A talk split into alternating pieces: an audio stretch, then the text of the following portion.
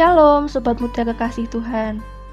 Saya Linda yang pada kesempatan kali ini akan menjadi host pada podcast Aku Mau Mengasihi Tuhan. Tentunya Sobat Muda sudah sering mengikuti setiap episode dari podcast ini kan? Podcast yang dibuat oleh Wonogiri Student Revival atau WSR ini mengajak Sobat Muda untuk belajar mengasihi Tuhan Podcast ini akan rilis setiap hari Jumat jam 3 sore. Jadi setialah mengikuti setiap episodenya ya. Jangan sampai ada yang terlewatkan, supaya sobat muda bisa belajar dengan lengkap dan bisa mengalaminya dalam hidup sobat muda semua. Oke sobat muda semua, sekarang kita akan ngobrol-ngobrol lewat segmen BTW, Bincang-Bincang Teman Weekend. Pada BTW kali ini, saya tidak sendirian. Saya akan berbincang-bincang dengan tamu spesial untuk bisa belajar bersama. Siapakah tamu spesial kita kali ini? Jangan ke mana-mana, stay tune terus di sini ya. BTW kali ini masih dalam rangkaian topik Yesus jawaban atas segala pergumulan. Tema BTW kali ini adalah yang berdosa diampuninya. Dan saya sudah bersama dengan tamu spesial kita, yaitu Mbak Stefani. Sebelum kita ngobrol-ngobrol, yuk kita sapa Mbak Stefani terlebih dahulu. Halo Mbak Stefani, bagaimana kabarnya? Halo Linda, bersyukur kabar saya baik dan saya juga sehat. Kalau Linda sendiri, bagaimana kabarnya? Puji Tuhan, kabar saya baik. Bersyukur saya juga sehat, Mbak. Oke, Mbak, langsung saja. Sesuai tema kita kali ini yaitu yang berdosa diampuninya. Berarti kita akan berbicara tentang Tuhan Yesus yang mengampuni orang berdosa. Untuk mengawali perbincangan kita, saya mau bertanya nih, Mbak. Semua orang kan berdosa, Lalu, mengapa Tuhan mau untuk mengampuni? Oke, Linda, untuk menjawab hal tersebut, pada kesempatan ini kita akan belajar dari dua kisah di Alkitab, yaitu dari Matius 9 ayat 1 sampai 8 dengan judul perikopnya Orang lumpuh disembuhkan dan Matius 9 ayat 9 sampai 13 dengan judul perikopnya Matius pemungut cukai mengikut Yesus. Dari kisah yang pertama, Tuhan Yesus menunjukkan bahwa Ia berkuasa untuk mengampuni dosa. Sedangkan dari kisah yang kedua, menunjukkan bahwa Tuhan Yesus datang untuk semua orang berdosa. Oke Mbak, kita bahas satu-satu dulu ya Mbak, sambil sobat muda menyimak Alkitab masing-masing. Kita mulai dari kisah orang lumpuh disembuhkan dari Matius 9 ayat 1 sampai 8. Dari kisah tersebut, kita tahu bahwa ketika Tuhan Yesus melihat orang lumpuh yang dibawa kepadanya, pada waktu itu Tuhan tidak langsung menyatakan mujizat kesembuhan, namun mengampuni dosa orang itu terlebih dahulu. Mengapa demikian dan apa maksud dari pertanyaan Tuhan Yesus ketika ada pertentangan dari dalam hati beberapa ahli Taurat? Baik, Kisah pada periko pertama ini diawali ketika Tuhan Yesus singgah ke Kapernaum. Dengan iman, dibawa kepadanya orang lumpuh yang terbaring di tempat tidurnya. Tuhan Yesus melihat iman orang-orang yang membawa orang lumpuh itu dan menyatakan bahwa dosa orang lumpuh itu telah diampuni. Tuhan Yesus tahu bahwa kebutuhan yang paling penting dari orang itu adalah pengampunan dosa. Kalau kita melihat peristiwa pada pasal-pasal sebelumnya, penulis kitab Matius menuliskan bahwa Tuhan Yesus telah menyatakan kuasa-kuasa atas penyakit, atas alam dan roh jahat. Pada peristiwa ini, jelas sedang menunjukkan bahwa anak manusia atau Tuhan Yesus itu berkuasa mengampuni dosa.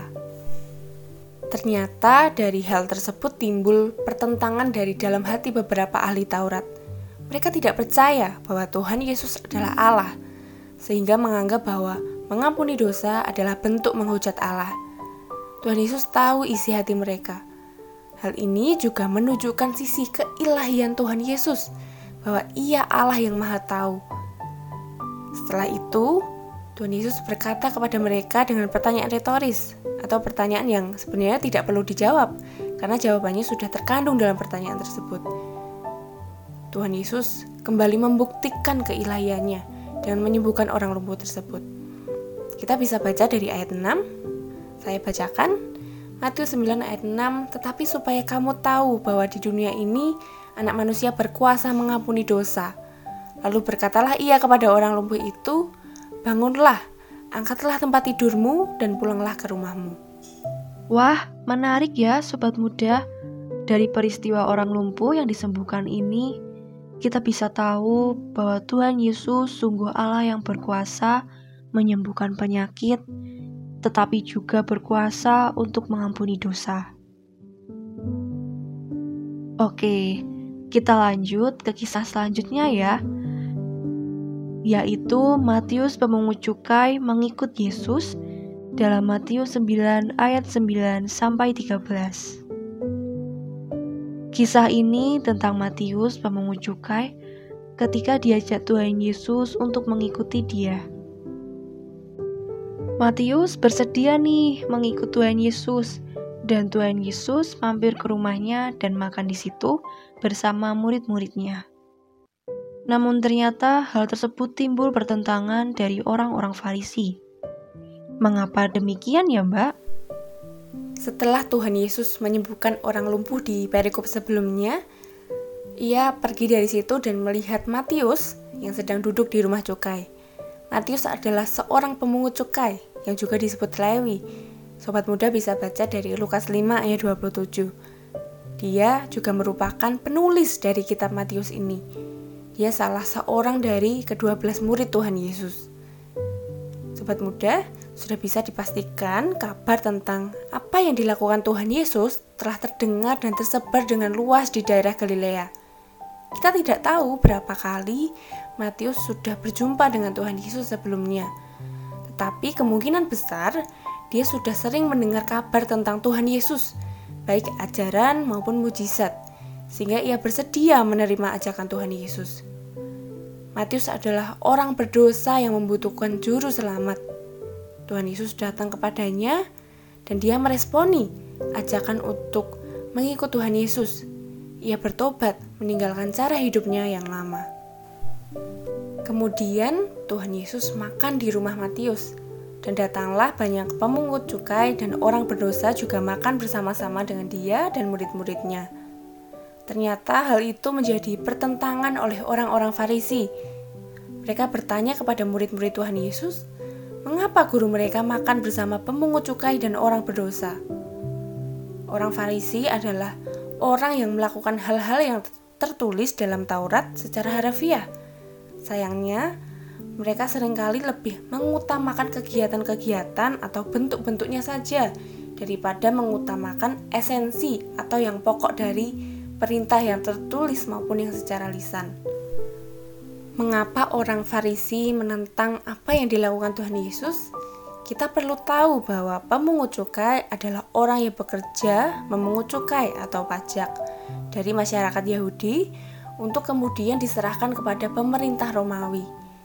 Pemungut cukai sering dibenci oleh masyarakat karena bekerja bagi penjajah. Jadi pada waktu itu Palestina atau Yerusalem dijajah Romawi dan terkadang mereka itu suka memungut cukai melebihi dari apa yang semestinya. Jadi mereka itu korupsi. Oleh karena itu, orang Farisi sangat menentang sekali kalau ada orang yang bergaul dengan pendosa. Mereka sedang mengelompok kelompokkan orang dan mereka merasa yang paling benar. Tetapi dari peristiwa ini, kita melihat bahwa Tuhan Yesus membereskan budaya pengelompokan tersebut. Dia memanggil orang berdosa dan berbelas kasihan kepada mereka, seperti yang Tuhan nyatakan dalam firman-Nya di ayat 12 sampai 13. Saya bacakan Matius 9 ayat 12 sampai 13. Yesus mendengarnya dan berkata, "Bukan orang sehat yang memerlukan tabib, tetapi orang sakit. Jadi pergilah dan pelajarilah arti firman ini." Yang ku kehendaki ialah belas kasihan dan bukan persembahan, karena aku datang bukan untuk memanggil orang benar, melainkan orang berdosa. Bersyukur ya sobat muda, dari kisah Matius pemungut cukai ini, kita bisa tahu bahwa Allah itu mengasihi semua orang tanpa memandang latar belakangnya. Ia datang untuk orang-orang berdosa. Baik Mbak Stefani, kita sudah belajar dari dua kisah tadi. Lalu kira-kira apa ya yang bisa kita simpulkan dan pelajari? Oke, dari dua kisah tadi kita bisa belajar. Yang pertama, Tuhan Yesus adalah Allah yang berkuasa atas segala sesuatu, termasuk mengampuni dosa dan menyembuhkan. Pengampunan dan keselamatan bisa dialami dengan iman kepada Tuhan Yesus. Pelajaran yang kedua, Tuhan Yesus datang untuk semua orang berdosa yang membutuhkan Dia. Dia berbelas kasihan kepada semua orang. Sobat muda, Tuhan Yesus juga datang untuk kita, tidak melihat latar belakang kita. Dia berkuasa mengampuni kita yang berdosa. Sudahkah sobat muda meresponi dan mengalami ajakan Tuhan Yesus? Jika sobat muda mau mengalaminya, saya mengajak sobat muda untuk datang kepada Tuhan Yesus, mengakui bahwa sobat muda adalah seorang yang berdosa, mengimani bahwa Kristus sudah mati dan bangkit untuk sobat muda. Dan undanglah dia masuk dalam hati sobat muda sebagai Tuhan dan Juru Selamat. Oke Mbak Stefani, terima kasih untuk pelajaran yang telah dibagikan. Kiranya perbincangan kali ini dapat memberkati kita semua. Tuhan Yesus memberkati Mbak Stefani. Sama-sama Linda, Tuhan Yesus memberkati Linda dan sobat muda semua. Sampai jumpa lagi di lain kesempatan ya.